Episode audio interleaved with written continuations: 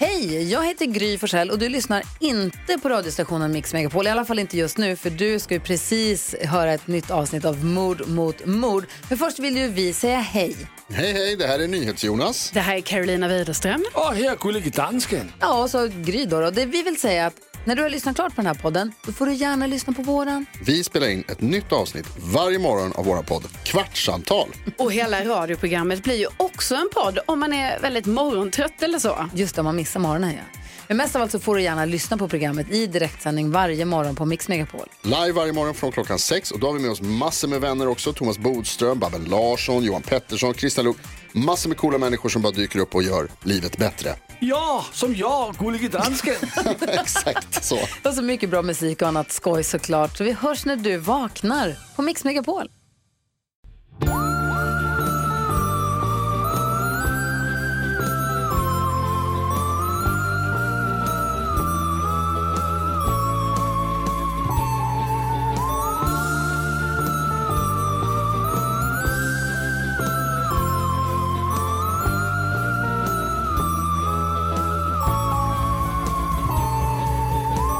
Good morning America! Härligt att tänka att det är någon som lyssnar in the US of A. Alltså min mamma arbetade på en radio när hon pluggade i USA typ 74. Åh, älskar din mamma. Då cyklade hon genom ett sommar, hon var sommarvikarie, ett sommartomt eh, eh, New York. Och sände radio. Vad var det för radio? Vet inte, och jag vet inte om hon sände radio. Det gjorde hon. Okej, ja, ja, hon var precis, hon var radiostjärna. Hon var ju radiostjärna i New Hon York. hade radioteater. Gjorde olika Tänk röster. att du har bott i New York. Det är ändå coolt. Kan du berätta lite mer om det? Vänta, först ska vi säga, eh, det här är Mord mot mord. Ja. En true crime podcast som görs av mig, Karin André och även av Anna Sandell, vår New York-korre från andra sidan bordet. Precis. Eh, nej men det, jag, jag, jag, det gjorde jag. Det var inte så länge. Och så gjorde jag praktik på en ehm, inredningsfirma. Som inrednings... Ja, det var kul. Känner du dig som, eh, som Carrie? Gick jag var så långt från Carrie. Jag, var Vem så, var du mer som? jag hade bara foträtta skor och sånt där. Jag var Miranda. Miranda. Mm. Miranda är ju Men- den bästa. Ja, jag älskar henne. Ja, hon är fan underbar. Eh, jag älskar, jag och min bästis Lovisa, vi skojar alltid om i, ehm, alltså min andra bästis. Där kom den. Jag försökte dra ner eh, Annas, vad heter det? Eh, Hiskade. hissgardiner. Och det gick inte innan. För att jag tänkte att det skulle ljudisolera det här Det rummet gjorde också. nog det lite. Det kändes som det. Ja. Men nu föll det, en, eh, jag misslyckades kapitalt. Men Men nu nu är det nere. löste det sig. Otroligt. Vi har ett så väldigt ljudintresserat spöke med oss. Exakt. Mm. Eh, curtain. Drrr, det var ridå. Verkligen. Ehm, Miranda, Sex and City, vart var vi? Jo, i filmen när de är i Abu Dhabi. Ja, fan vad sjuk den filmen är. När hon eh, så till en taxichaufför bara, när hon, för hon pluggar ju typ arabiska på vägen dit. Ja. så här shukran och sånt där. Och sen så när, hon ska, när taxichauffören börjar så här lassa in väskor. ehm, då gör hon bara så här, la la la la la. Och det är inte så kul när jag återberättar det, men vi har skrattat gott åt det. Vilka är vi? Jag och Lovisa. Du Lovisa ja, just det, det var där vi var. La. Eh, en annan historia som min, om min mamma, som hon berättade igår. Ja. Det här är faktiskt ganska hemskt. Det här, är en sann eh, historia om ett dödsfall. En eh, väninna till hennes syster blev, eh, körde ihjäl sig för att hon blev jagad av en SL-buss. Alltså en, en dåre som hade fått, alltså på en landsväg. Vänta, vänta, vänta. Det var alltså en person som körde en SL-buss. Ja, som började jaga den här kvinnan som körde bilen. Så hon till slut körde in i en stolpe och dog. Det är typ det läskigaste jag hört. Ja, ja. Så hon är liksom ute på landet, plötsligt bara tornade upp sig en buss. ja. Och hon och hennes man och så väntade hon barn. Aj fy fan vad hemskt. Mm. Och mannen överlevde i no, mm, När var det här? typ 80, eh, 87 kanske? Undrar om det var någon som de hade haft någon, alltså Nej. det var en totalt främling. Fy fan vad läskigt. Mm, så sjukt läskigt. Alltså jag blev helt, jag blev helt eh, illa Tagen. berörd. Det blev verkligen illa berörd. Gud vad hemskt, det var vidrigt. Och imorgon går du på semester. Egentligen idag tänker jag när vi är klara här. Ja det är det ju. Eh, det känns eh, otroligt. Det Det har varit en ganska det verkligen. tuff vår. Ja. Där min kille bland annat har varit utbränd. Eh, så att jag har varit så full time nurse. Sjukt det hade varit om du inte hade vetat om det. Mm. Jag tänkte precis Att säga det. bara, Du, du pratar om det med mig ganska mycket. Jag pratar om det med dig ganska mycket. Eh, och även de som lyssnar på Marcus podd Tombola vet om det också. Ja, och nu även alla som lyssnar Och nu på vår även podd. alla som lyssnar på vår podd. Men eh, det håller på att vända nu. Det är så bra. Ja, han har liksom liv i ögonen för första gången på flera månader. Gud vad Så det härligt. känns otroligt. Och imorgon åker vi då till Grekland. Ni för att kommer ha det Marcus så härligt. fick för sig att vi skulle vara i Grekland i en månad. Så i princip flyttar jag till Grekland. Härligt. Ska ni båtluffa eller? När vi ska vara på två ställen bara. Mm. Eh, Hydra. Så, Det, jag har inte varit där men pappa och Agneta har åkt dit jättemånga gånger. Det är så fint det tydligen. verkar otroligt. Leonard Cohen bodde ju där. Ja. Eh, till Marcus stora glädje. Mm. Det är typ lite... Det, Det är lite så det- artsy. Ja, det är typ lite som eh, eh, Greklands Ibiza. Alltså minus all festen. Alltså jag menar den härliga delen av Ibiza. Okej, jag har aldrig varit på Ibiza. Nej, det är inte liksom hip, eller inte, inte britter som är fulla på bargatan Nej, i jag bara, Ibiza. fan, det orkar Nej, nej. jag inte med. Eller som man kan också säga som Greklands Saint-Tropez. Ja, det är lite... Det finns lite fina Det ställen finns där. lite pengar. Mm. Ja. Ja men vi, det ska bli så jävla härligt. Och sen så är vi i Peloponnesos. Mm. Eh, Som är liksom en typ en halvö där var typ Kalamata kanske känns igen från oliverna. Oliverna. Goda oliver. Mm. Ligger, ligger där. Och då ska vi ta bil och åka runt. Gud vad härligt. Ni Det ska bli det så himla nice. så jävla jävla nice. Du jobbar lite till. Två veckor. Men sen, Men sen är jag bara ledig i tre veckor. men tre veckor Ja, det går fort. tid. Eller det, det är bra med det. Det går fort också. men jag börjar känna, vi har ju redan varit utomlands en Ja. gång. Men jag börjar känna mig lite deprimerad att vi inte ska utomlands. Framförallt nu när det är så sjukt pissigt väder. Ja, men det kommer bli bättre. Mm. Det kommer hinna bli superväder. Men vi har bestämt, jag och Oskar då, som jag kommer tillbringa min semester med, att eh, om det fortsätter så här, Då drar ni. då drar vi Ja. sista veckan till Mallorca. För då, då kan vi åka på, då åker vi bara på Ja, biljetter och, sen så kan vi bo hos min syster. Har jag Så vi har en backup. Jag, jag och eh, eh, mitt ex, Håll för öronen Marcus. han lyssnar inte. Eh, Nej men, men vi skulle en gång åka till, eh, åka, för att det var en sån sommar när det Mm. var så jävla roligt väder. Så vi bara, vi tar den sista minuten du vet, kändes så härligt och spontant. Vi bara, han fick bara, han bara, man åker ut till Arlanda. Och sen så bara tar man första bästa. Nej det gjorde det inte för det slutade med att vi åkte Tallinn, Tallinnfärjan. Åh gud.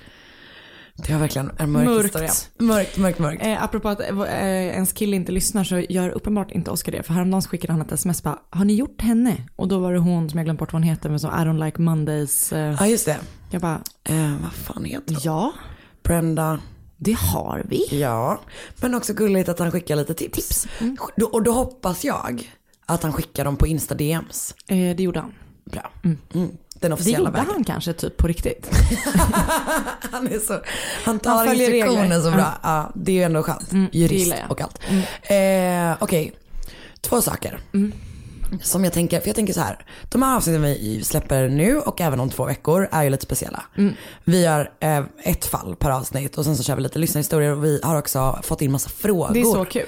Som vi ska svara på. Så vi kör lite, det är frågepodd, det är lite fall, det är lite, ja det är en härlig gott och blandning. blandat. Det är verkligen gott och jävla blandat. Ehm, men jag tänker att man också behöver typ kolla på saker på sommaren. Framförallt när det är dåligt väder. Tips. Tips. Mm, jag har ett. Ja, säg.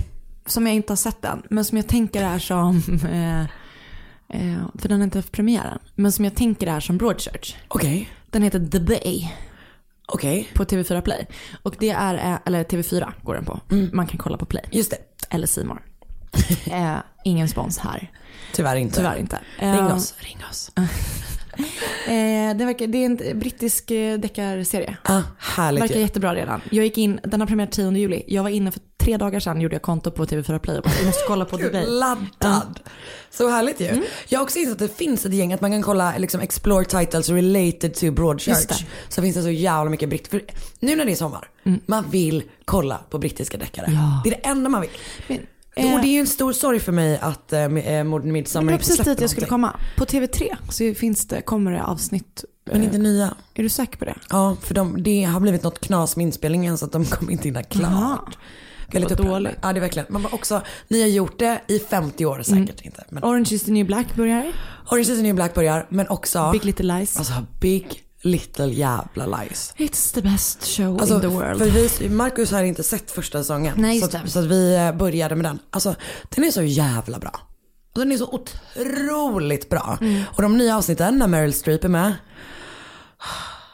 Alltså det Hon är, är så bra. Hon är så så, bra. vidrig. hon är så läskig. Rollkaraktär. Jätteläskig. Alltså jag är så rädd för henne varje gång hon dyker upp i bild. Man bara nej, ta bort henne. Så vill Men jag också bara, ljuga "Nej, om någonting." Streep, yay.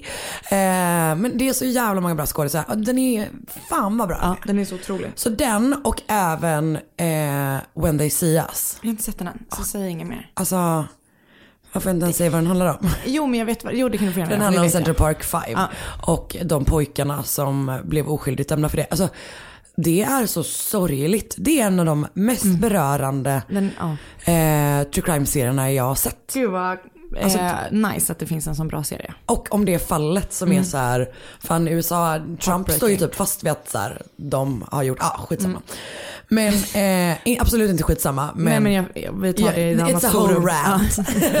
Men eh, gud vad bra att du, för det är ju flera som på, äh, äh, tipsar om den i vår Facebookgrupp, Mord Ja. mot mord podcast.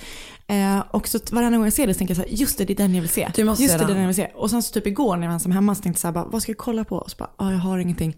Kolla, jag kollar ju om på Mindhunter när jag liksom inte har någonting att titta på. Just det, Så då kollade jag gulligt på, något Mindhunter. sätt. Mm. Du går tillbaka till dina vänner på Mindhunter. Det är så bra. Det, är så borde komma en ny det kommer, säsong Det också. kommer en ny säsong ganska snart tror jag. Mm, nice. Det kommer bli supernice. Eh, har vi några fler sådana Mm. tips om saker? Det finns en här det finns en ny Netflix- Netflix-serie som handlar om ett spanskt fall tror jag. Ja, den började jag också titta på. Eh, Vad heter jag var- den heter med Alcacer. Ja, något sånt. Men, eh, eftersom- Bra tips. Varsågod allihopa. Håll till godo. Men den heter Morden i Alcacer eller något sånt Ah, ah, där. Eh, Gud när jag sa det lät det bara som kassler. det är lättare att komma ihåg så. Ja, ja, sant tack. Eh, men eftersom allting är på spanska och jag var bakfull när jag skulle titta på det så tänkte jag det här ger jag upp Ja, och jag kan inte läsa. i ett nyktert tillstånd. klokt, klokt. Eh, du, Ja. ska vi köra lite frågor? Ja, låt oss. Gud vad kul. Eller vi får se om det är kul. Men det är, alltså jag måste säga att det har gjorts ett otroligt arbete, eh, måste jag säga. Gud vad glad jag blir. Alltså att folk har verkligen skickat kul och roliga och härliga frågor, vilket gör mig superglad. Gud vad härligt. Eh, nu ska vi se, här ska vi visa alla. Mm, mm, mm. Jag tänker att jag börjar från början Ja. med de första som kom in. Vem lagar bästa maten? Av oss två? Ja. Eller i hela världen? Men det är ju du. ja, det tror jag faktiskt också Alltså det. abs- 100%. Jag tänker inte ens ge mig in i den fighten. Ja, men, men Jag frågar ju dig typ om jag ska peppra. ja. Och, och, Och salta. Salta. och, det, och i allmänhet, det ska du. Ja, just det. Men har du, du har ju en paradrätt i key lime pie. Ja, Men jag, jag, jag, men jag är bra på att baka. Det är du verkligen. Men Eh. har du någon paradrätt i liksom matlagnings... Ja, det är väl tacos. till tacos? Nej, Och då är det typ inte köttfärs och- Exakt. Nej men jag har typ inte det. Det låter så sjukt deppigt men ehm, jag tycker typ inte det är så kul att laga mat. Nej, Jag tycker det är kul att följa recept när jag har gott om tid och sånt. Alltså jag tycker för mig är det så jävla vilsamt. Mm. Alltså jag kan bli så här, typ att Marcus bara, men jag kan laga mat. Man bara, nej nej, du tar inte det här ifrån mig. Du gillar att pyssla och dona och sånt Ja, ja, men, och, och, jag- och så kollar jag på serier samtidigt som jag lagar mat. Pyssla och dona. Pyssla och dona gillar jag. Typiskt jag. Så det är eh, tusen procent jag. Mm, det är det verkligen. Det kan vi nog säga. Men du är inte dålig. Nej, Vill jag vara tydlig med. Men jag, jag är inte dålig, men jag är ointresserad och har typ ganska dåligt självförtroende i köket. Ja. Hjärta. Och överallt. vi, Nej, men- vi ska gå en matlagningskurs Jag skulle tillsammans. typ gärna vilja göra det. Så mysigt. Italienska köket. Italienska köket, det vill man. Eller- det är det enda man vill äta. Eller även hade kunnat tänka mig vietnamesisk. Ja, Det hade varit soft. Det hade varit riktigt soft. Kanske hellre det, för italienska köket känns Det kan lite, man ändå. Det, det är bara att slänga ihop en italiensk buffé så är man hemma. Verkligen. Det är såna eh, mini, Grissini. mini-mozzarella. Tomat, basilikablad och sen så har man grissini med eh, parmaskinka. Runt vid ratten Ja. Och sen har man... Slappigt på något sätt. Fast vet du vad, en av mina bästa sådana eh, dålig tapasrätter är du vet baconlindade dadlar. Fan det är så jävla gott, snacka Alltså, inte det skit så, om nej, det. Nej, du det, gillar alltså, det också? Ja, gud ja. Ja, det är en av de, alltså det är ju totalt hittepå måste det vara.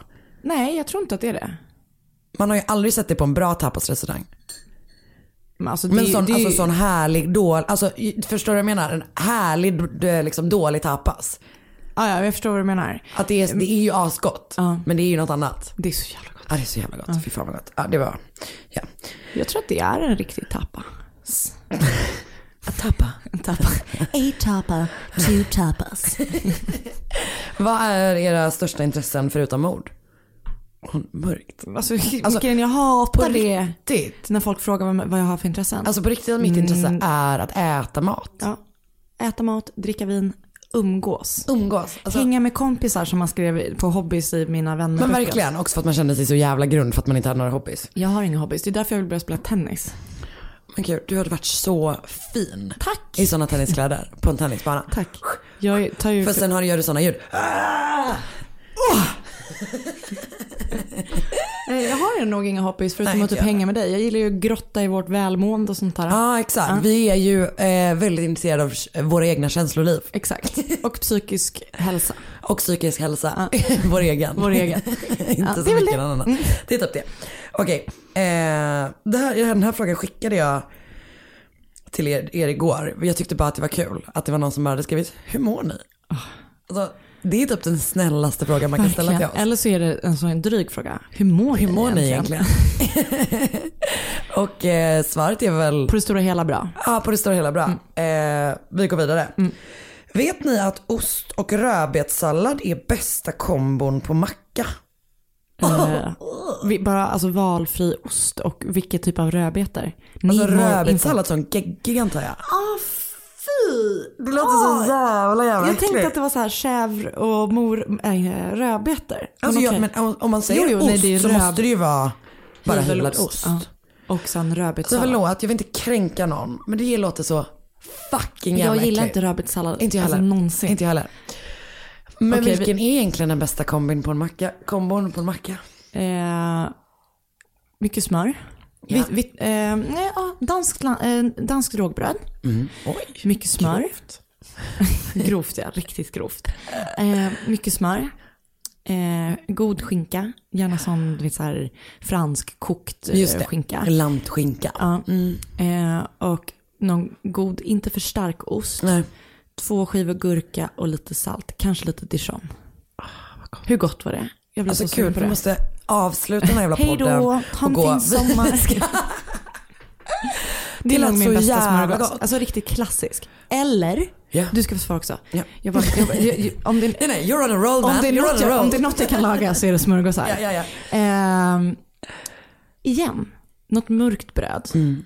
Det säger du bara för att imponera. Alltså jag älskar ju, nej alltså jag vill ha baguette och smör bara. I, gud ja. men, I min eh, mun genast. ja. Eh, mörkt bröd, bredbar leverpastej Gott. och smörgåsgurka. A classic. Jag är ju klassisk smörgåstjej. Alltså jag kan verkligen börja bygga en macka. Ja, berätta. Att jag typ så, till exempel så, äggs- alltså eggs benedict är ju typ bland det Men det är godaste. för att du kan laga mat och jag, jag kan inte ens pochera ett ägg. Men det kan ju inte jag heller. Jag har ju en sån liten pocheringsgrej nu och eh, innan har jag pocherat, för det är ju ett I väldigt bra plastfolie. tips. Att man kan pochera ägg i plastfolie. Aldrig blivit så jag imponerad som när heller. gjorde det. Och så bara, det tycker jag är svingott. Men även, alltså dijonäs i allmänhet. Ja, det är gott. Allt med. Din macka, den hade jag velat ha på kanske ett surdegsbröd. Ja, gott Din också. första gotta. Ja. Din första gotta macka. Jag kan inte prata. Eh, och istället för smöra ett dijonäs. Ja. Jag är ju riktigt fan av smör alltså. Ah, jag älskar majonnäs. Ja men alltså. Så det är nästa fråga. Ja. Smör eller majonnäs? Exakt. Gotta be smör. Ehm, ja men eh, det var ju eh, supertydligt svar på den icke-frågan. Vi visste inte att det var det och vi håller heller inte med. Nej. Eh, hur blir man eran bästis? Jag behöver er i mitt liv ASAP. Jag tror att det lättaste sättet att bli vän med oss är att vara bra på sitt jobb och träffa oss i jobbet. Ja. För det finns ingenting, Ingenting som imponerar oss mer än det. än folk som är bra på att jobba. Det är ju därför vi är vänner. Mm. För att vi är sådana arbetshästar. Verkligen. Och det värsta, är- det finns ingenting som får mig att ogilla en person mer. Som en som någon som är dålig på jobbet. Eller du vet, Jesus. en sån som försöker komma undan.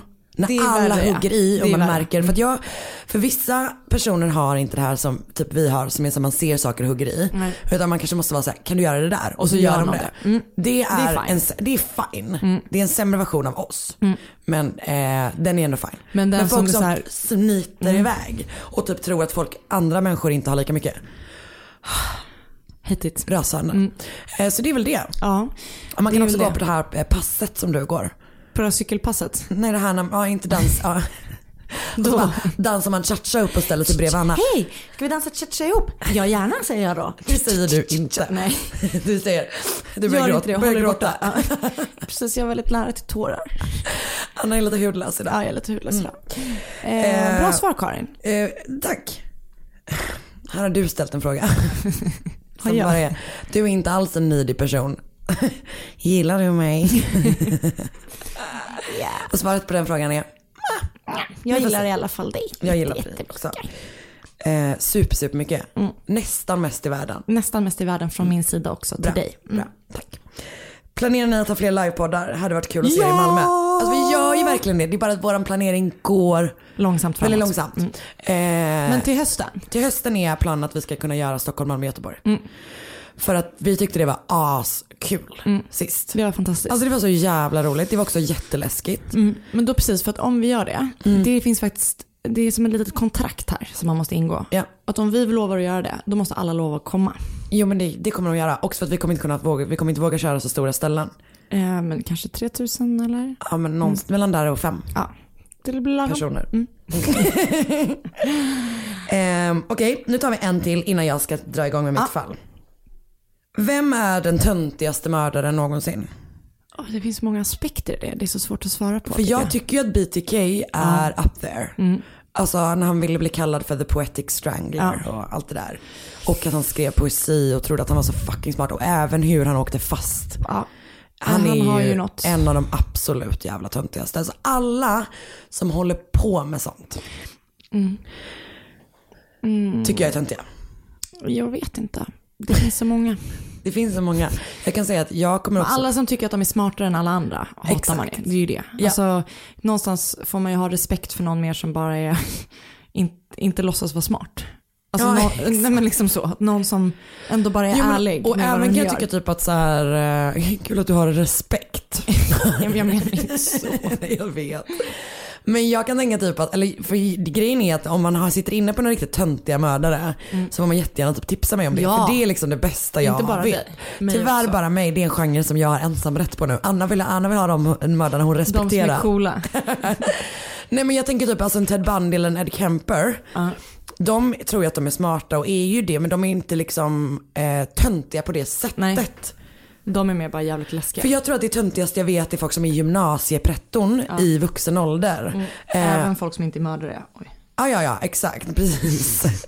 Ehm, så att jag tror att de är mina värsta. Jag vill höra om de töntiga jävlarna. Och nu ska jag berätta för dig om En töntig. ett riktigt gymnasiepretto. Ah, nice.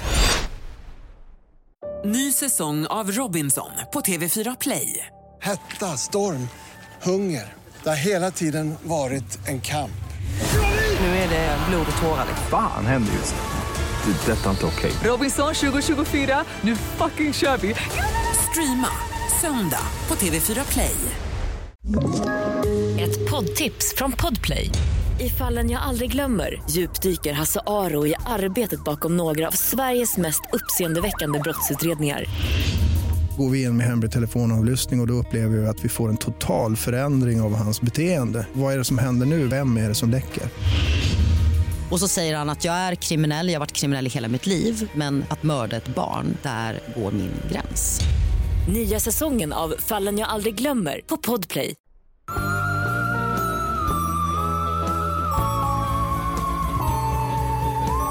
Okej, eh, jag har då som jag redan har varnat dig för råkat skriva det längsta manuset jag någonsin har skrivit till den här podden. Mm. Jag är beredd och Eh, taggad. Bra, vi kanske behöver fylla på ditt kaffe. Ja. Eller så kanske jag bara pratar jättesnabbt. Okej, Ultra rapid. nu börjar jag. It has taken me five weeks labor to write this letter because it's so important to me that it, it is understood by you for what it is. A plea for help. Please, Miss Hindley, help me. Det här är då avslutningen på Winnie Johnsons brev till Myra Hindley i november 86. Och eh, anledningen då till att eh, Winnie skriver till Myra är ju då för att hon och hennes pojkvän Ian Brady mer än 20 år tidigare mördade Winnies son Keith Bennett. Men hans kropp har aldrig hittats. Och hon, hennes, alltså hon ber helt enkelt om hjälp med att typ så här hitta hitta hans, alltså Mm. hon vet ju om de, att, att de har mördat honom är ingen konstighet. Nej. Eller liksom det, är- det är inga konstigheter, fel sagt. Det, är, vet- det vet man, Det vet man, Ja. men man har aldrig hittat honom liksom. Och det har han fortfarande inte, han har fortfarande inte hittats. Eh, och hans familj typ fortsätter leta efter honom på så här hedarna utanför Manchester. Så ja, eh, idag ska jag då alltså prata om ett av Storbritanniens absolut mest kända fall. The Moors Murders. Som det känns som att vi har pratat om. Eh, men det är inte det för att du, tänk om vi har det. Nej jag får panik! Nej det har vi inte.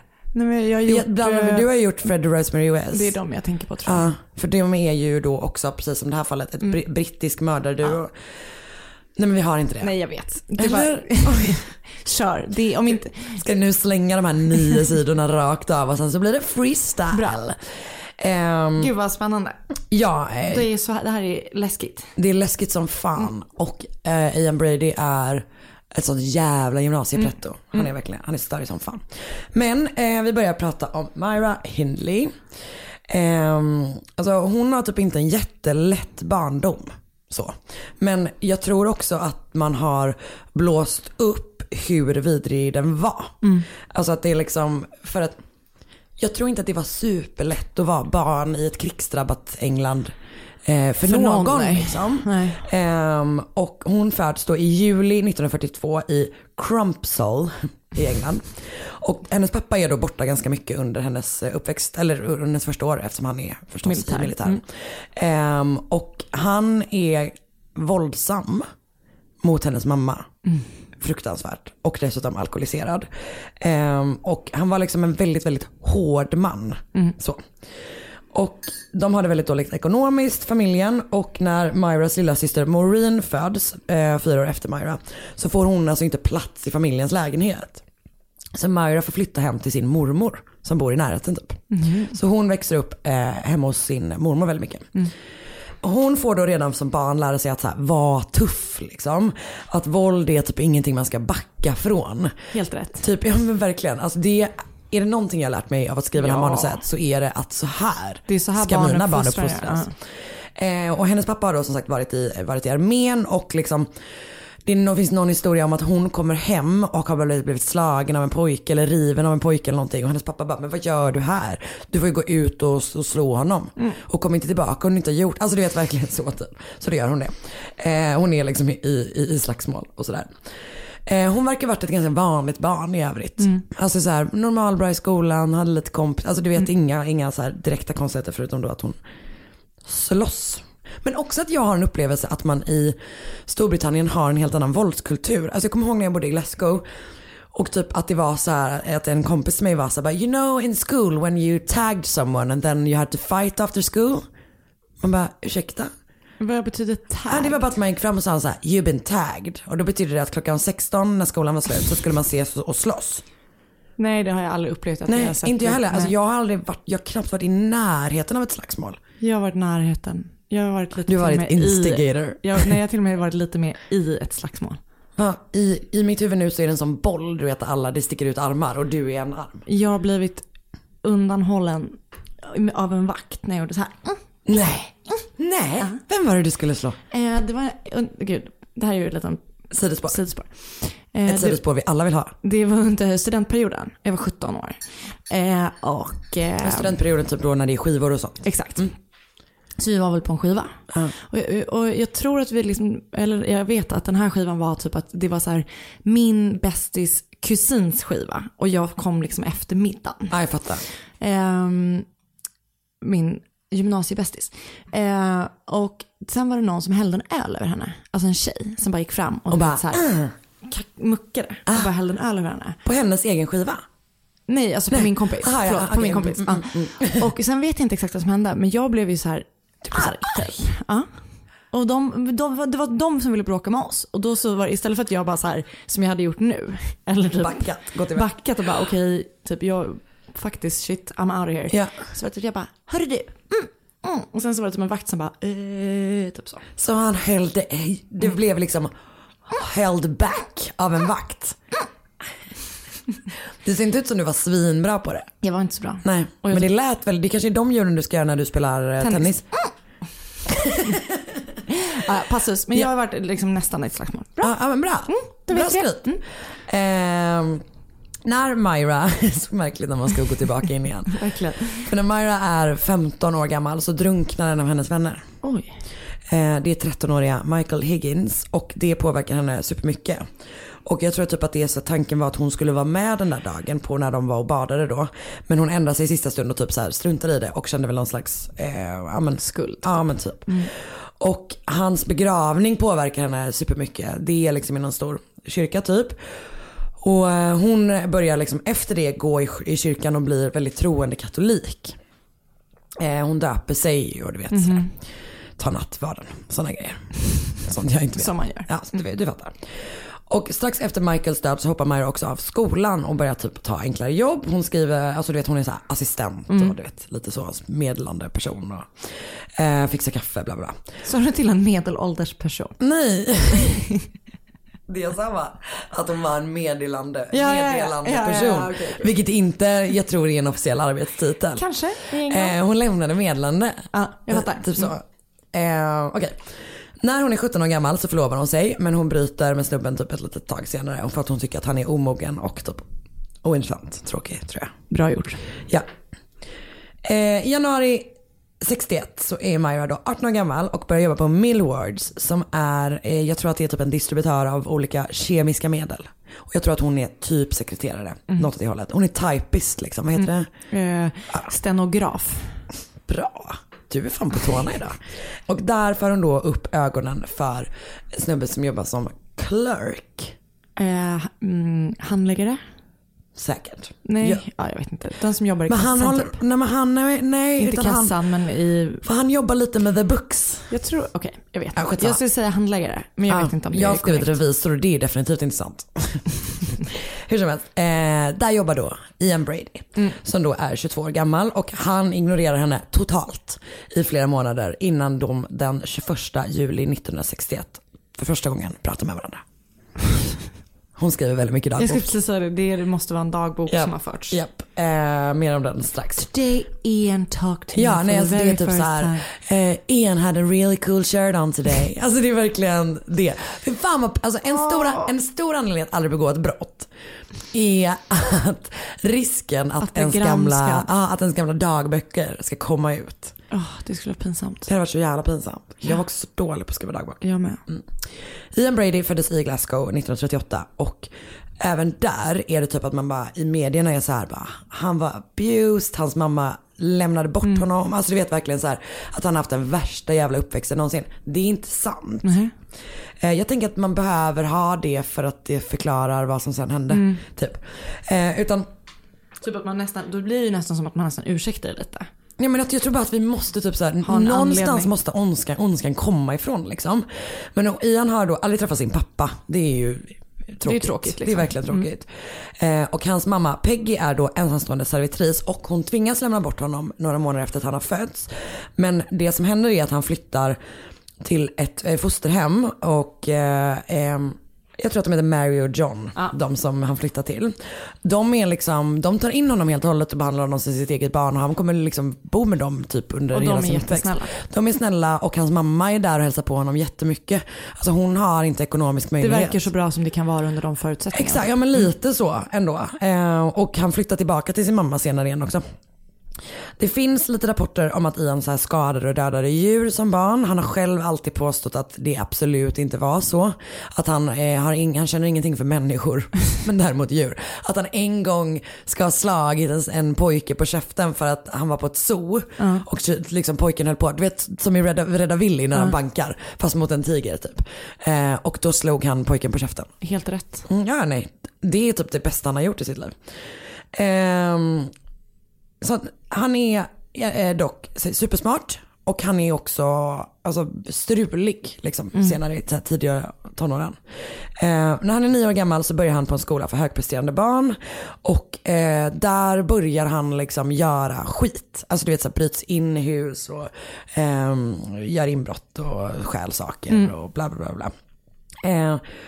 Han är liksom i någon sån ungdomsdomstolssituation ganska många gånger eh, under den tiden. När han är 15 så hoppar han av skolan och börjar jobba som bud för en slaktare. På, du vet, han jobbar på något fartyg, lite så olika grejer. Han dejtar någon tjej men det tar slut när han hotar henne med kniv efter att hon har gått på dans med en annan snubbe. Inte så bra. Nej. Ehm, och när han då är 17 år gammal så är han liksom tillbaka in court. Och där å- å- åtalas han för nio olika brott. Jag vet inte riktigt vad det är för något men jag tror att det är typ den, alltså så, li, lite misshandelsgrejer men också mycket stöld och skit. Typ. Eh, han får villkorlig dom med förutsättningen att han flyttar till sin biologiska mamma. Och då bor hon i Manchester så därför hamnar han i Manchester. Han eh, kommer fortsätta typ med samma typ av beteende och till slut så hamnar han på något, något hem liksom. Men där brygger han egen alkohol på sitt rum och då slutar det med att han hamnar i fängelse.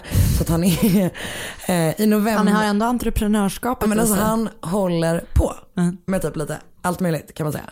Eh, men i november 1957 så släpps han och återvänder då till Manchester och bestämmer sig för att säga nu ska jag få lite ordning på mig själv. Och det är då han typ lånar så här faktaböcker på, med, på biblioteket och typ lär sig om bokföring. Okej. Så att han sitter liksom hemma och pluggar det. Mm.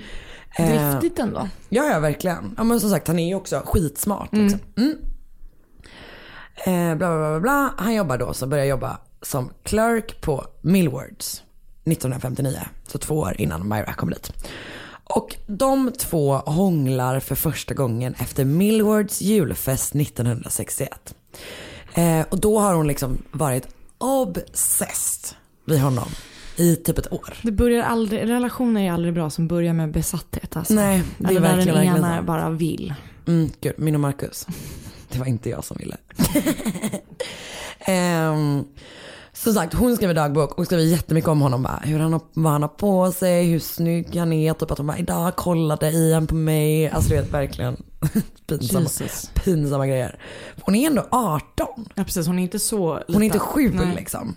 Ehm, men så att, som sagt, de pratar, han, pratar, han ignorerar henne i ett halvår. Och sen så går det ett halvår till innan de hånglar. Men sen så blir det superintens direkt liksom. Och eh, Ian Brady är då som sagt en pretentiös jävla tönt. Och hon blir helt, alltså hon tycker att han är så smart. Och så spännande. Eh, det känns verkligen som att hon typ så blir swept away. Mm. Jag tror eventuellt att den här förlovningen med den andra snubben overlapped lite Ah, grann. okej. Och du vet så att han var väl någon sån liksom working class dude från Manchester Mm. liksom. Och så kommer den här snubben som typ så älskar Nietzsche och Dostoje- Dostojevskij. Ah! Eh, alltså han är, det, det är också så jävla förväntat att han Gå älskar och Nietzsche just. lägg dig. Alltså Nietzsche är verkligen gymnasieprettornas favorit. Don't even. Nej verkligen. Alltså han citerar Nietzsche till höger och vänster. Panik. Ja jag vet. Han läser också Mein Kampf. Okej. Och jag tror inte att han är nazist. Utan jag tror att han har en grej, ytterligare en grej som gör mig rasande. Mm. Du vet när folk ska tro att de är skitsmarta för att, så här, att de kanske säger så Hitler var en bra konstnär. Ja, ja. Alltså Ja, förstår du vad jag menar? Folk som gör, till att börja med det var han inte. Eh, att det är så här, Mein Kampf är en bra bok. Nej nej.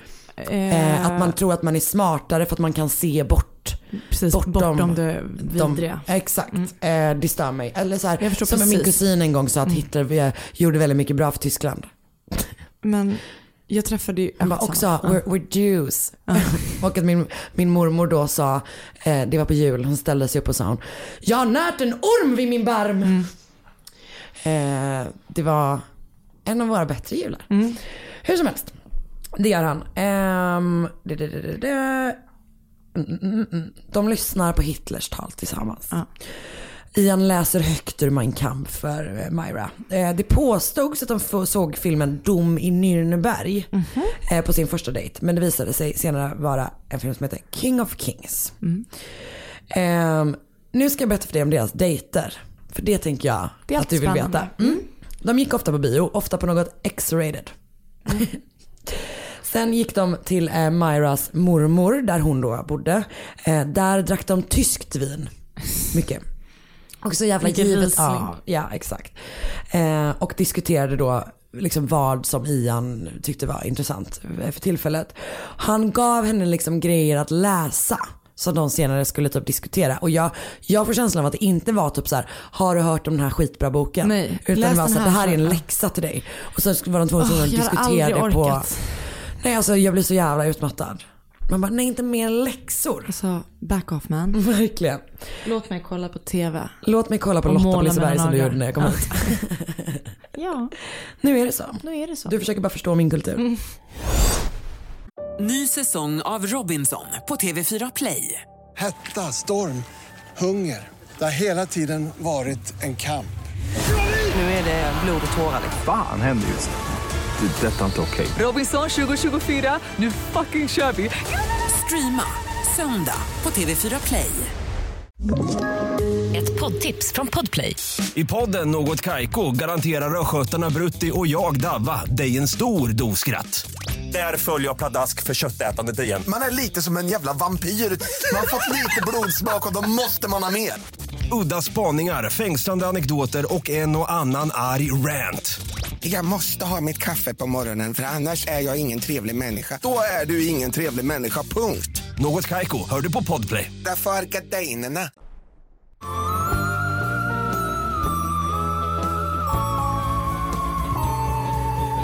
Ian påverkar då henne på skitmånga olika sätt. Eh, och bland annat så blonderar hon typ håret och börjar sminka sig mycket mer. Och eh, bör, börjar liksom klä sig mer vågat. Du har sett bilderna på dem va? Alltså de ser ju skitcoola ut. De ser ut som, jag tycker att de ser ut som... Kallades inte de för typ så Barbie... Nej men det är väl de homol... Ja det är homolka. Det, Det- nej de här är ju mer, jag skulle säga att de ser ut som det är ju på Det 60-talet. är de, de är såhär mods. eh, Exakt, fast jag tycker nästan att de ser ut som ett punkpar. Mm. Alltså att det är liksom den estetiken, för den, den känns inte liksom, hon har för sig sånt stort, du vet liksom fluffat hår. Mm. Just det, jag blandade ihop dem med homolkas. Ja, nej, som men de här är mer par. coola, Ja, vilket är ju Mm. störigt.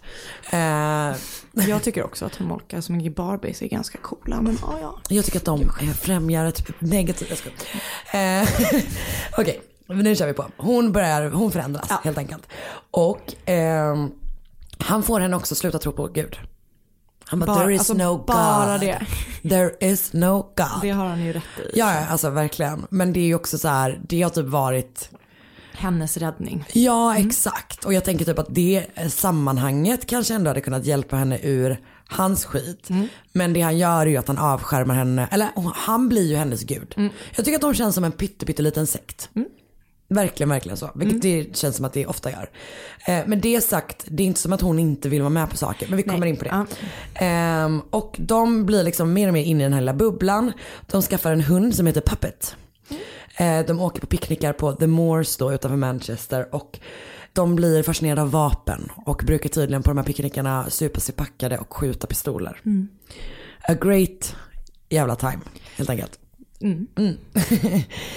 det som jag har, eller så som jag förstått det är att Ian blir liksom besatt av att begå det perfekta brottet. Och vilket jag tänker typ hänger ihop lite grann med det som vi pratade om innan med mördare som tror att de är så jävla smarta. Mm. Han tycker ju att han är Mm. skitsmart. Alla som ska begå det perfekta brottet, det går inte. Det går inte, det kan So man väl don't säga. even try. Sluta lyssna på den här podden och skaffa dig ett jobb. Ja. Ehm, men och grejen är att det brottet som de först åker fast för är ju liksom så totalt jävla operfekt så att det är helt sjukt. Och jag tror att det beror på att det är det. Beror nog på att han överskattar sin förmåga. Som man gör så mycket. Exakt. Folk. Precis, inte jag. Underskattar. Ja. Ehm, Okej. För Edward Evans var då 17 år sommaren 1965 och han bodde med sina föräldrar Edith och John och sina syskon Alan och Ed- Edith. Hette båda. ja, uppenbarligen. Verkar som det. Han var en Junior Machine Operator på Associated Electrical Industries och gillade hans, hans intresse var delvis fotboll, där är inte vi. Nej. Men sen så gillar han att hänga med kompisar på pubbar. Eh, och så stötte han på Manchester United så han var och kollade på dem väldigt mycket. Mm. Den 6 oktober går då Edward hemifrån strax efter klockan sex på kvällen för att möta en kompis, ta en öl och sen se en match. Eh, men hans kompis har liksom missuppfattat alltså att de har bestämt att de ska ses, alltså att det är spikat.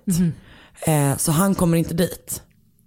Utan eh, Edward tar då en öl själv och sen så går han på den här matchen och någon gång mellan typ 10 och halv 11 på kvällen så är han vid Manchester centralstation för att han ska typ gå, det finns, finns någon bar där, någon pub där som han ska eh, gå till. Men den är stängd. Mhm. Så han typ står utanför den och är så här, hmm, vad, vad ska jag göra? Alltså du vet lite så här, vad är, what's my Mm, gör next move? Ja. Och då kommer då en eh, annan snubbe och försöker också gå, liksom öppna dörren till den här puben. Och Edward är så här, ja ah, det är stängt tyvärr. Så börjar de liksom prata. Och eh, då frågar den här snubben ehm, Edward om han vill, bara så, ska vi dra hem till mig? Och typ dricka där istället. Min syster väntar där ute typ. Så du kan, du kan hänga på hem till oss. Eh, och han eh, går med på det. Så att Ian Brady och Myra Hindley tar då med sig honom till eh, hennes mormors hus på 16 Ward, Ward, Wardlebrook Avenue.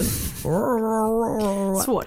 Verkligen. I Hattersley. eh, Som är ett område, liksom, det är i stor Manchester typ. Okej. Men det tar en liten stund att åka dit liksom. De, de kommer dit och Ian säger till Myra att hämta David Smith.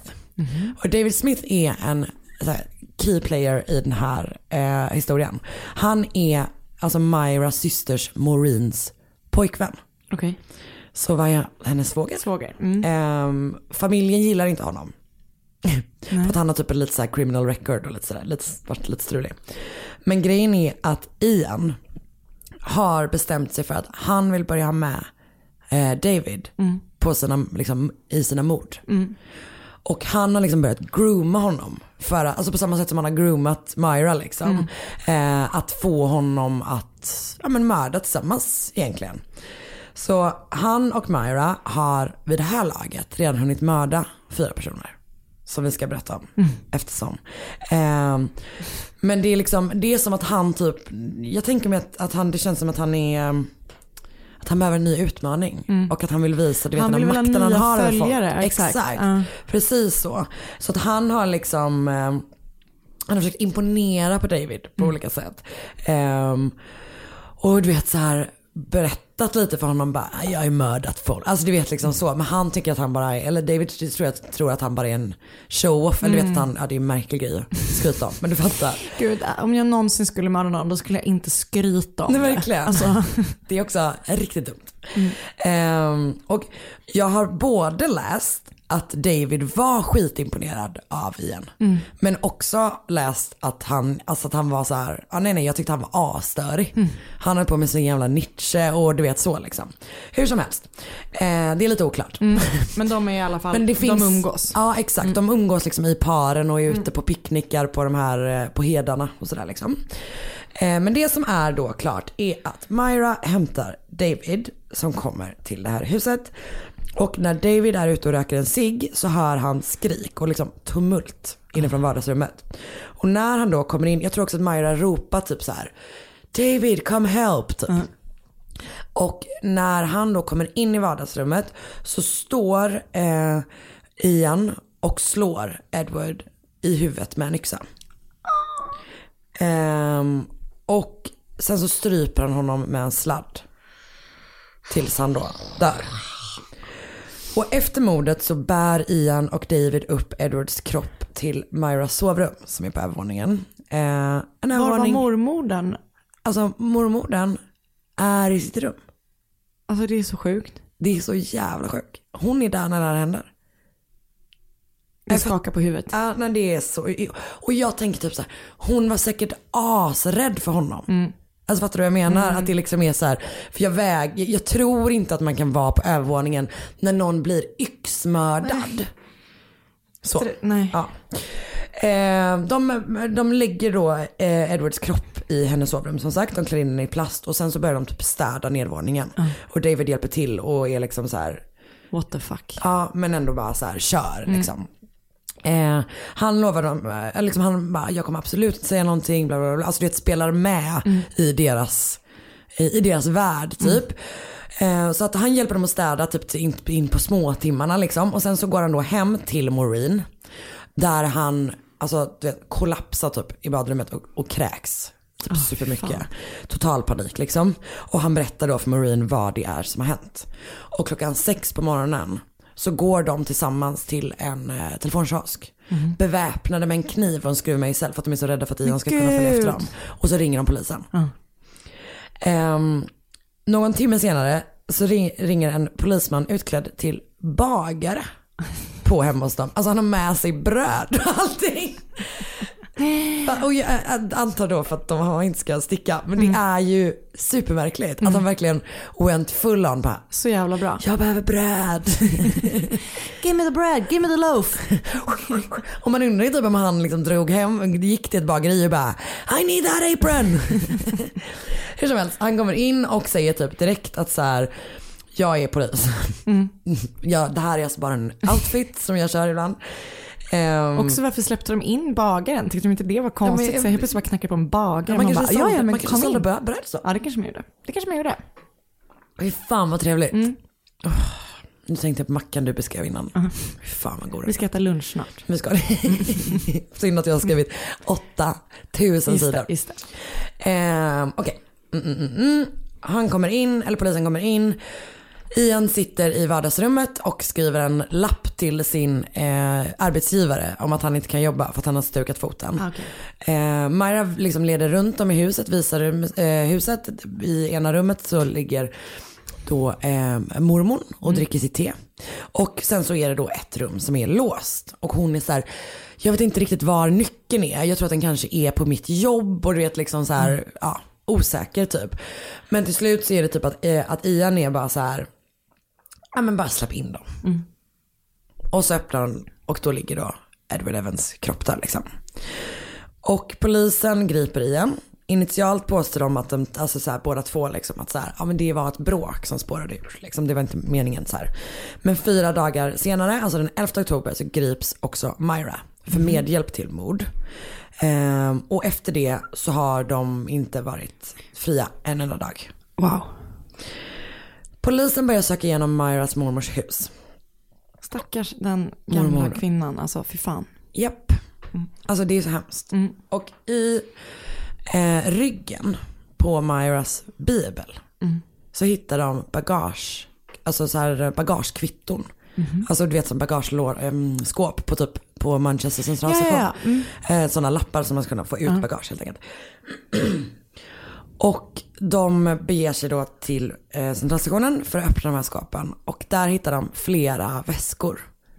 Och innehållet i de väskorna är en av anledningarna till att det här fallet har blivit så jävla stort liksom. För att man hittar då bilder på en liten flicka som utsätts för liksom, vidriga, vidriga saker. Och man hittar också en 16 minu- minuter lång inspelning. Där en flicka liksom bönar för sitt liv Mm. och Myra och Ian utsätter henne för hemska grejer liksom. Mm. I bakgrunden på klippet spelas jullåten Little Drummer Boy. Och flickan är typ så här ropar på sin mamma. Alltså det, jag har inte hört det, jag har typ läst några enstaka Mm. meningar från det. Jag skulle absolut aldrig lyssna på det. Eh, och det är, eh, ja, det är heartbreaking. Mm. Och det är också väldigt uppenbart att både Ian och Myra är, liksom. är delaktiga Mm. liksom. Och det ljudklippet kommer alltså senare spelas alltså, i sin helhet i rättegången. Fy fan att sitta och lyssna på det 16 alltså. minuter. Är det är så lång tid? Flickan på bandet och på bilderna är då samma person. Hon heter Leslie Ann Downey. Och det bekräftas, det här är så jävla jävla hemskt. Att alltså, hon identifieras genom att eh, alltså man visar bilderna för hennes föräldrar. Och de får också lyssna på bandet. Nej. Eh, Det är hennes eh, mamma Ann och även hennes eh, styvpappa Alan West som identifierar henne. Och Leslie Ann Downey var då 10 år gammal den 26 december 1964. Leslie bor med Ann Allan, sin äldre bror Terry och sina yngre bröder Brett och Tommy. Och på annan dagen, det är eh, 64, så ska hon gå på någon sån marknad. Eller jag tror du vet det är lite så kringresande tivoli stämning typ. Och hon ska gå dit tillsammans med Terry. Men Terry blir sjuk. Så att hon går dit med typ ett gäng så här, ja, men kompisar och lite grannar. Mm. Du vet, liksom, lite så. Och ehm, mm, mm, mm, alla är så trötta och är på väg hem. Men Leslie Ann är så här, jag vill bara kolla på eh, ljusen typ. Det börjar liksom bli mörkt och så. Mm. hon bara, jag vill, innan jag går vill jag bara kolla på, på the lights liksom. Så att hon kommer iväg på egen hand och står typ vid en åk- åkattraktion och bara kollar liksom. Mm. Och där ser en pojke ehm, hur en kvinna tappar ut ehm, liksom matvaror. Mhm. Och Leslie Ann hjälper henne att plocka upp dem. Sen börjar de prata och sen går hon iväg med kvinnan och även en man som kommer liksom. Mm. Och sen dess, alltså hon, eh, redan där på den kvällen är Ann Downey ute och liksom letar efter sin dotter. Och ingen, ingen vet liksom vad som har hänt. Nej. Leslie Ann mördades alltså i samma hus som Edward Evans. Ja. I mormorens Ja. hus. Eh, men vid det tillfället så hade Myra kört iväg sin mormor till en granne som de sovit över där. Ehm, och som sagt, de dokumenterar det de gör mot henne i både bild och ljud. Och hon dör genom strypning. Mm. Och när Ian fick frågan typ så här, varför hade du två kopior på det här? Också till två kopior. Det, ja, på det här ljudet liksom. Mm. Så säger han typ så här, jag tyckte, det, jag tyckte det var intressant bara. Ja, bara så. Mm. Men till en början så nekar båda två till mordet. De säger att, alltså han säger att han har tagit bilderna. Men han har inte... Men han har inte gjort det andra utan det var typ två män som hade kidnappat Ah, ja. henne och de tog med sig henne till huset. Där de tog bilderna, spelade in där och sen så åkte de därifrån. Ja, det låter ju faktiskt troligt. Ja verkligen, verkligen. Supertroligt. Eh, man hittar också då massor av eh, fotografier i huset. Många av dem är då tagna på Saddleworth Moor.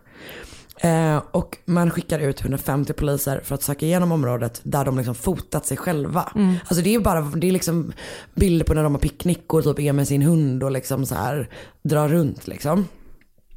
Och den 15 oktober så hittas då eh, Leslie Anns kropp. Mm.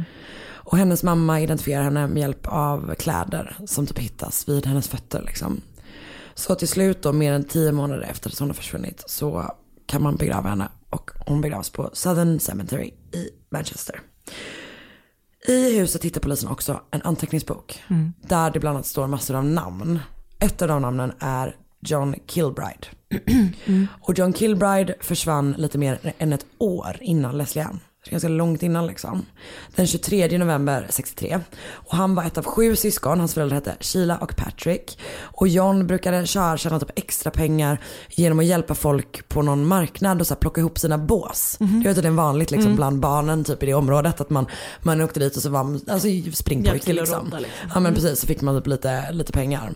Och ehm, han gjorde det då den här eftermiddagen där i november när en kvinna i svart peruk kommer fram till honom och säger typ så här: jag behöver lite hjälp med typ ett gäng lådor i min bil typ. Du kan du göra det? Du får, en, du får liksom några kronor och så eh, får du en flaska sherry också. Eh, han bara, ah, absolut, typ. det funkar liksom. Så att, eh, och så, jo, men så säger hon också, hon bara, jag kör hem dig sen efteråt så dina föräldrar slipper oroa sig. Ja, bra. Verkligen. Och han hoppar in i bilen då och där är också Ian och sen så säger han att, eh, eh, eller så säger han så att de bara, vi måste hämta Sherin hemma. Så vi åker liksom dit först och sen säger de att Myra har tappat en väldigt dyr handske på Saddleworth Moor och att de vill att han ska följa med ut och leta efter den. Och vad som händer när de kommer fram till heden där, är, går, där går liksom historierna isär. För att det finns ju två stycken, det, är om, det här är två stycken manipulerande, opportunistiska jävla vidriga as. Som berättar historier som passar dem. Mm. Och det gör ju att till exempel så Myra säger att hon hjälper till att få med barnen. Men att hon aldrig är med när Ian mördar något av dem. Mm. Liksom. Men typ på Leslie Anns, eh, alltså inspelningen visar ju något helt Mm. annat. Alltså hon är i allra högsta grad delaktig och Mm. Ian säger ju att hon utför vissa morden, bland annat det på Leslie Ann, att det är hon som mördar, eh, mördar henne liksom. Ehm, men det som man vet i alla fall är att eh, man förgriper sig på honom och sen knivhugger man honom och stryper honom. Och den 20 oktober, så det är alltså fem dagar efter att man hittat Leslie Ann, så hittar polisen också John Kilbrides Mm. kropp. Och den har då legat på heden i nästan två år. Fy fan. Och identifieras också med hjälp av kläder.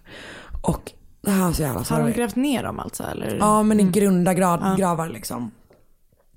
Det här är också så jävla jävla sorgligt. För att hans familj har då från den dagen han försvann. Alltid du vet så lämnat en stol tom vid middagsbordet. Gud, och det finns Oj, här en, inte. det finns en bild Not på det. today man. Nej, jag, du, du är för hudlös, jag är ledsen.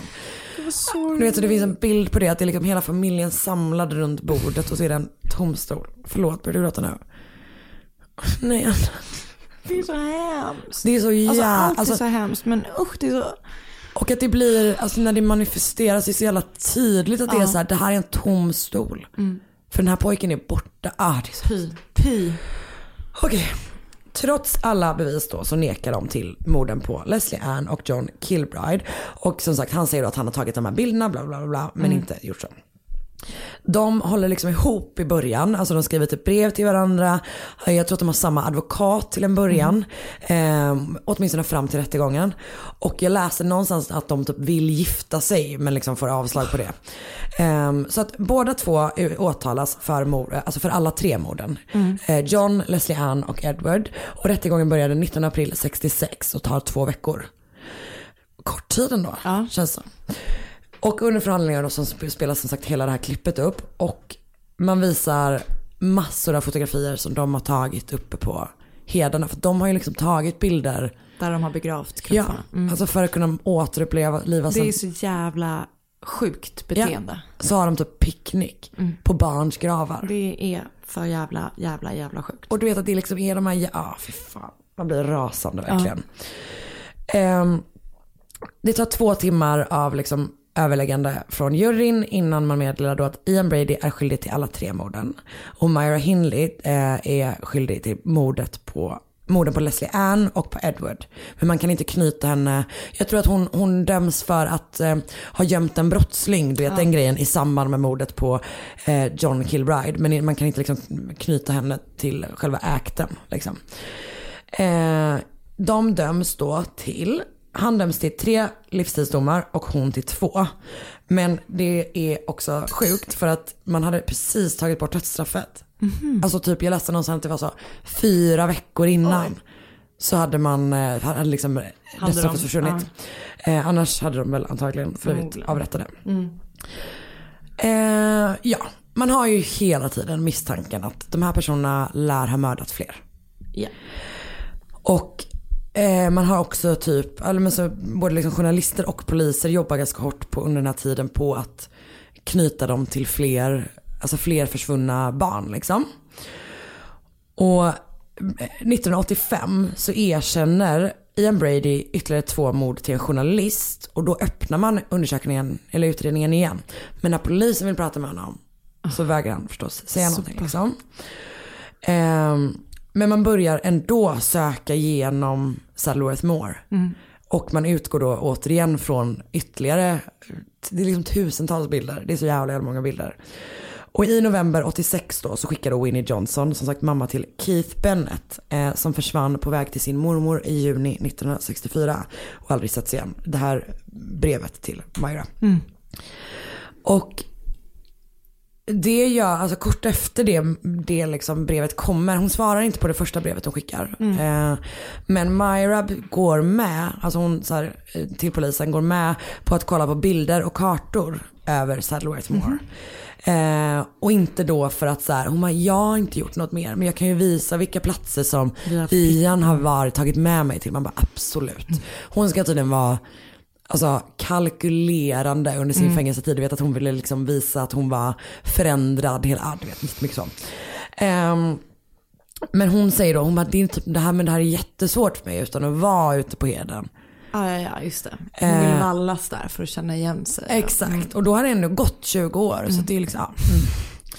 Så man börjar då fundera på om man ska typ ta med sig henne dit. Mm. Och det finns ju en väldigt tydlig fördel i det. Som är så här, det kanske gör att man hittar fler barn. Men nackdelen är ju att det här är människor, alltså ska man ge henne möjligheten att återuppleva Exakt. de här brotten Ja. som hon uppenbarligen, det har ju varit en del av deras grej Mm. att vara på platsen där det här skedde liksom. Vad svårt.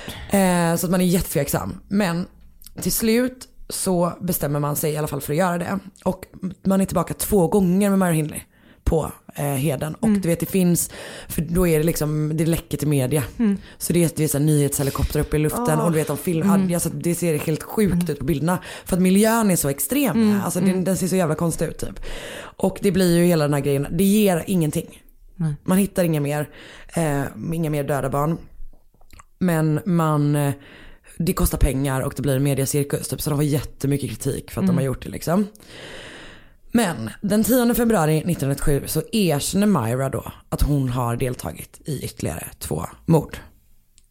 Ehm, och polisen kommer då säga, alltså polisen som får det erkännandet säger typ så här. Hon sa exakt så mycket hon ville säga Mm. och liksom inte, alltså så här, det handlar inte om att kom clean, alltså det, Nej. det är bara, hon vill ju komma, hon vill ju få villkorlig frigivning. Mm. Det är det allting handlar om liksom, att ta sig därifrån typ. Men hur som helst så är det ju, eh, eller det goda som kom ur det är ju ändå att två familjer till fick typ Fick- lite ja, ja. svar. Så nu ska vi prata om de två sista här. Eh, Pauline Reed var 16 år gammal den 12 juli 1963. Och hon bodde granne med Myra Hindley om jag inte minns fel. Och hon hade dessutom haft en relation med David Smith som kommer in långt senare där då. Eh, och var kompis med Maureen. Vänta, hon var kompis med Maureen. Jag vet inte om hon var granne. Jag tror att jag kan ha hittat på det.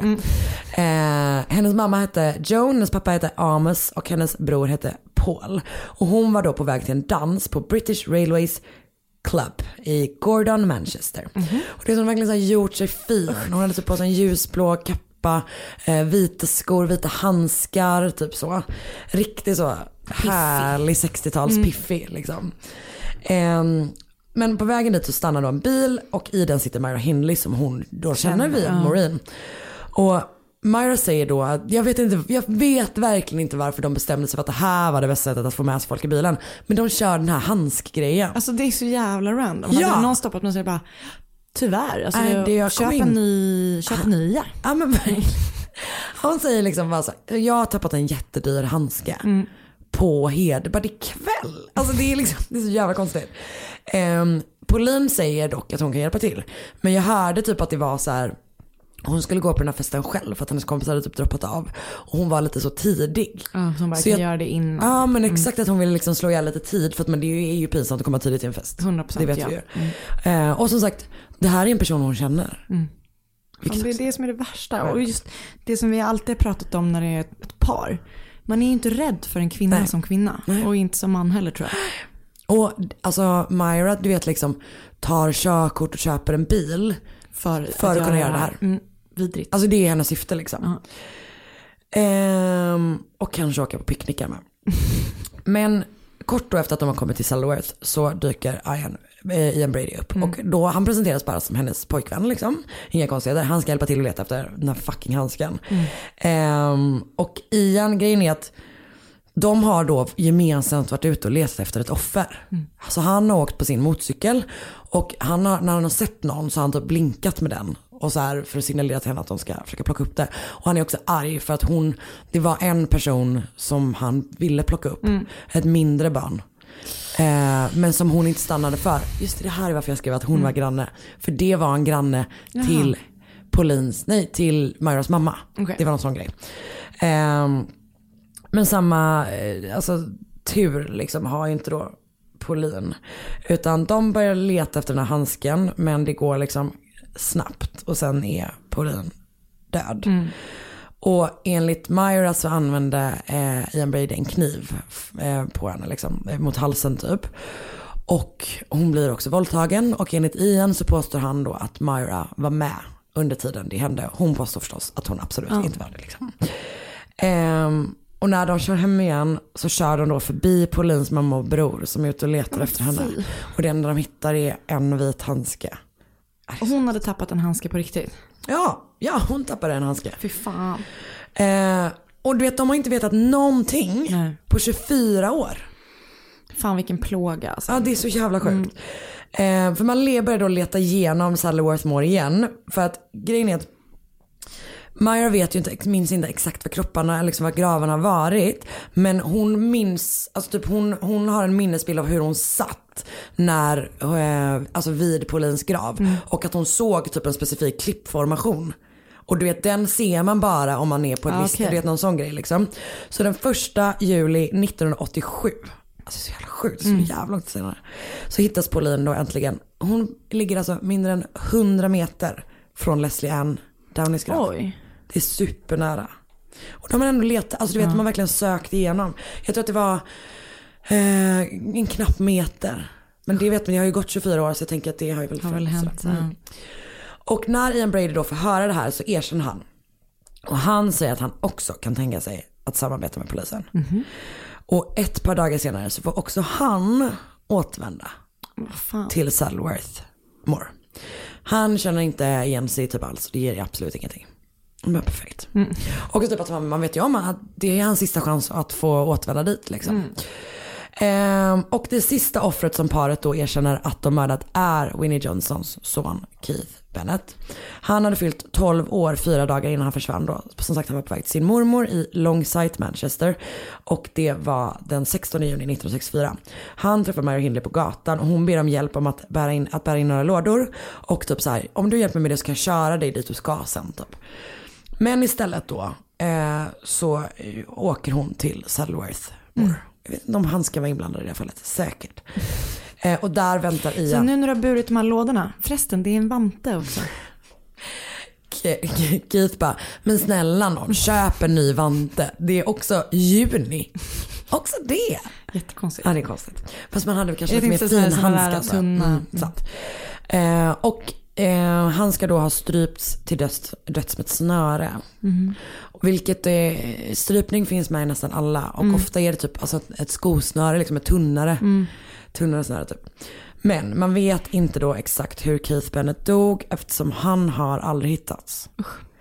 Och polisen har liksom lagt jättemycket tid och resurser på att du vet eh, att, att leta efter honom Mm. och även att man har liksom använt sig av, av nya, alltså ny teknik eftersom du vet man letar efter honom 2009 Mm. senast. Gud. med liksom satellitbilder och ja, Stackars nej, det är så jävla hemskt. Och Winnie Johnson alltså varit en sån jä- alltså hon har kämpat Mm. så jävla jävla mycket med typ att hennes sons minne aldrig ska liksom eh, försvinna typ. Att hon Mm. har, och att han ska hittas. Alltså hon har jobbat, hon har liksom involverat alla. Hon har letat själv Mm. så extremt mycket liksom.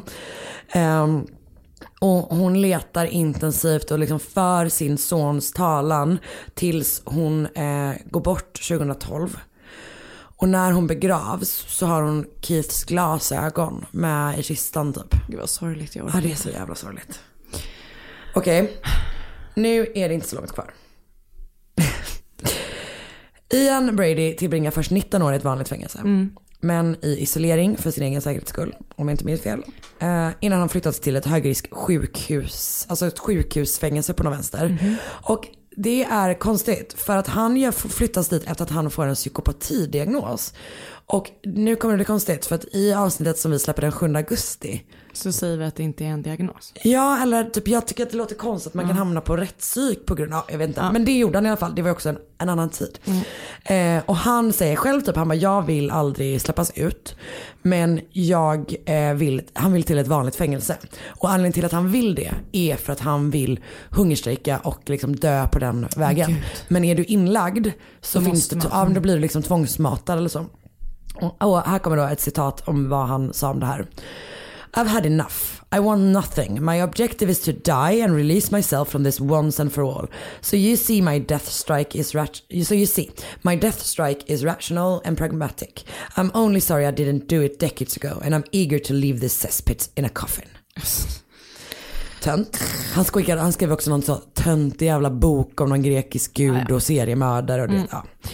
2005 så skickar han ett brev till Winnie Johnson. Mhm. Också det. Mm. Och han säger då att han kan leda, till poli- leda polisen till hennes son. Men att myndigheterna inte låter honom göra det. Mhm. Så fuck you du. Mm. Han hittade ju absolut ingenting på. Saddleworth. Alltså så. Ehm, Ian Brady dör den 15 maj 2017 av naturliga orsaker. Och han kremeras och hans aska sprids i havet nattetid. Mm. Myra Hindley vill ut ur fängelse och hon var också mycket närmare att faktiskt göra det. Jag antar Mm. att det är för att hon hade två alltså, ja, livstidsdomar. Bla, bla, bla. Jag tror att det är typ så här. Hon skulle, fick först att hon bara var tvungen att sitta av 20 år och sen blev det 30 år. Och, sådär, Okej. liksom. Hon inleder en relation med en vakt. Hon dumpar Ian Brady efter ett tag. Okej. Hon eh, blir ihop med en vakt. ehm, Och hon verkar i allmänhet haft det så jävla mycket softare än vad han har Mm. typ. Och det man säger är ju som sagt då att allting hon gör, gör hon för att manipulera. Alltså så här, hon blir tillsammans med en vakt för att den vakten senare eh, planerar att hjälpa henne i ett rymningsförsök. Eh, alltså så här, hon kan typ flyttas till en mer chill avdelning. Alltså det, allting är liksom sånt. Och även typ att hon du vet blir eh, born again christian och hon Mhm. blir, börjar hålla på med massa så här, mysiga grejer för att hon ska kunna bli frigiven. Mm. Eh, att folk som har träffat henne där är typ såhär, nej nej alltså hon, Hon är bara, hon är bara cynisk liksom. Mm. Eh, just det, den vakten döms också till fängelse för att hon försökte hjälpa Mary Hindley. Mm. Och hon erkände att hon, har ljug, att hon hade ljugit i sina ansökningar om villkorlig dom, dom. Och eftersom det har gjort det, så eh, liksom att hon har ljugit när, i, om sin inblandning i morden så Mm. bestäms det 1990 att så här, nej nej, hon kommer aldrig komma ut. Men hon, ins, hon får inte reda på det själv förrän typ fyra år senare. Mhm. När det är så här, nu måste vi säga till våra fångar hur länge de ska sitta. Man bara, vänta var det inte så Mm. innan? Så konstigt. Ehm, så att hon försöker liksom överklaga det här att hon aldrig ska få komma ut. Men Anne Downey, alltså Leslie Ann Downeys mamma. Eh, alltså hon jobbar hela sitt jävla liv på att typ så här, nej nej hon ska aldrig kvar. komma ut. Ja. Så hon är, eller det gör alla men hon är liksom den som för den kampen typ. Eh, och det kommer hon heller aldrig göra för 2002 så dör då Myra Hindley av lunginflammation, något hjärtfel och även tänker jag det faktum att hon röker 40 cigg om dagen. Det är för Jag får många. ont i huvudet bara av att tänka på att röka så många Det är för cigg. många cigg. Det är verkligen så många cigg. Nu kommer sista stycket. Myra Hindley eh, kremeras och det sker till och med liksom en liten ceremoni i samband med det. Eh, men 20 stycken begravningsentreprenörer vägrade hjälpa Nej. till med ceremonin innan, liksom så här, innan de hittade någon som kunde tänka sig att göra det. Jag får bara, nej nej, alltså fuck Helt that. rätt. Och också det är liksom 40 år senare. Mm. Men det sitter kvar så jävla Såklart. jävla mycket. Eh, och Myra Hindleys före detta partner, alltså den här vakten då, Mm. eh, sprider hennes aska ungefär en och en halv mil från Saddleworth Men Moor i någon park där. Och när den nyheten, alltså att askan finns där, så här, nådde media så var man superrädd att, hela, att parken skulle vandaliseras. Ja. Alltså den typen av du vet så här, Ilska. ilska Mm. finns kvar i den brittiska Ah. folksjälen. Ehm, och alltså offrens familj, det finns liksom, det finns ganska mycket intervjuer med offrens familjemedlemmar. Nu är det ju typ bröder och så liksom. Mm. För att jag tror att typ alla föräldrar har gått bort nu liksom. Mm. Men, men, men det finns ganska mycket när de pratar om det. Att alla har verkligen varit så här advocates för sina, för sina Mm. familjemedlemmar. Eh, på ett helt alltså, sjukt sätt att man kan, att man kan orka det typ. Ehm, ja. Fy fan.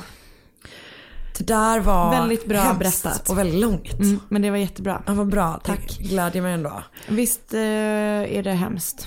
Men det här fallet är Mm. så jävla jävla hemskt.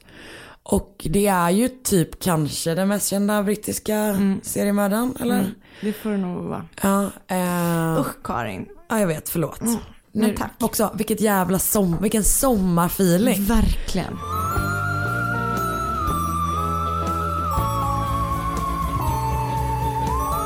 Man kan skicka eh, sina egna historier till oss på mordmotmord.gmail.com. Ja. Och inför de här avsnitten som vi släpper nu under juli så har vi bett er att eh, göra det. Vi har faktiskt fått ganska många, det är jätteroligt. Så vi, vi kommer inte kunna läsa upp alla Det tyvärr. kommer vi inte. Eh, utan vi väljer några stycken. Vi tänker att vi kör varsin nu och sen så kör vi lite fler i nästa avsnitt. Eftersom jag eh, pratade så himla himla länge. Vill du börja eller ska jag? Ehm, jag håller på att starta upp min dator. Mm. Okej, jag tar den här då. Jag har inte riktigt läst hela den här. Men eh, den börjar så trevligt. Ehm, för den börjar nämligen så här. Jag jobbar tyvärr på SI, vilket betyder att jag inte får fangirla när jag ser ingen mindre än Karin Londré på Stockholm södra. När var du på Stockholm södra? Men det är något fel med, ehm, Ja, med tågen. med tågen. Eh, jag måste tillägga att Mord mot mord har fått mig att överleva tuffa dagar, så tack till er båda. Åh. Det fick mig hur som helst att komma på att jag är en spännande historia från min egen släkt som kan vara kul att, för er att ta del av. Eh, ber om urs- ursäkt i förskott om det blir krångligt med alla olika karaktärer. Men håll till godo. Okej. Min farmor bodde 1902 i en liten by i Västmanland eh, som, nu, som även nu har lite mindre än under 2000 invånare. Pytte. Då inräknat hela socknen. Hon bodde tillsammans med sin andra man på en bondgård i byn och körde även skolbuss som extrajobb. Gud vilket trevligt extrajobb. Verkligen. Min pappa fick hon med sin första man som eh, hade lämnat när pappa bara var ett år gammal. Och pappa hade varken kontakt, nej, och pappan till pappan hade varken kontakt med, sin, med min farmor eller med min pappa. Farmor fick sen ett barn med sin nuvarande man, alltså man nummer två. På 80-talet var den här byn i högsta grad ett bondesamhälle och eh, de gamla samhällsnormerna levde kvar. Att min, min farmor då hade ett utomäktenskapligt barn med en man som hon inte längre hade kontakt med var tufft nog. Så när hon även i detta äktenskap inte trivdes, alltså äktenskap två, ehm, fanns det inte mycket hon kunde göra förutom att, så som så, som så många andra i hennes situation, dricka bort sina sorger. Ja. Fy fan. Mm. Det var en decemberkväll när hon och hennes man var eh, hos ett par kompisar och festade till det. Min pappa var vid den tiden 18 år gammal och klarade sig själv. Och hans halvbror var dock bara 5 år gammal och fick därför spendera natten hos min farmors syster. Ja. Vid 20-tiden på kvällen var det dags för pappas halvbror att gå och lägga sig, alltså femåringen. Ja. När farmors syster skulle natta honom. Och då säger han, mamma kommer aldrig hem igen. Farmors syster försäkrar honom att jo, hon kommer hem och hämtar dig imorgon. Men han säger bara nej, hon är borta. Farmors syster tänker inte mer på det utan lugnar honom och går själv och lägger sig. Nästa morgon vaknar farmors syster och leker med pappas halvbror i väntan på att min farmor ska komma och hämta honom. Men hon kommer aldrig. Det visar sig att hon har bråkat med sin man hemma hos deras kompisar och sen stormat ut ur huset. Efter det har ingen sett henne. Hon hittas tragiskt död eh, under dagen på ett gärde på väg hem. Det verkar som att hon har frusit ihjäl och inget brott misstänks. Hennes dåvarande man, min pappas styvfar, är nu död men fram tills, fram tills hans död vägrade han och de andra två personerna som sist såg henne i livet att prata om den kvällen och vad som egentligen hände. Har det gått, nu är bäst. Fy vad läskigt. Jättebra historia. Trots många personer inblandade så var den Jättebra. jättebra. Shit. Åh gud, det är typ en av mina värsta. Alltså, Alltså, frysa. så, Men tror du det var det? Vem vet? Vem vet? Okej. Ja. Nu kör jag en också här. Hej! Tack för en fantastisk podd. Hörde, hörde dagens avsnitt om tjejen och den creepy taxiresan. Kommer du ihåg det? Ja. Ja. Har en liknande. Jag, jag är fascinerad av... Eh, Taxiresor. Ja, fascinerad av taxiresor lät fel. Världens tråkigaste person. Jag alltså. Inget av det här stod i mejlet. Nu kör jag på.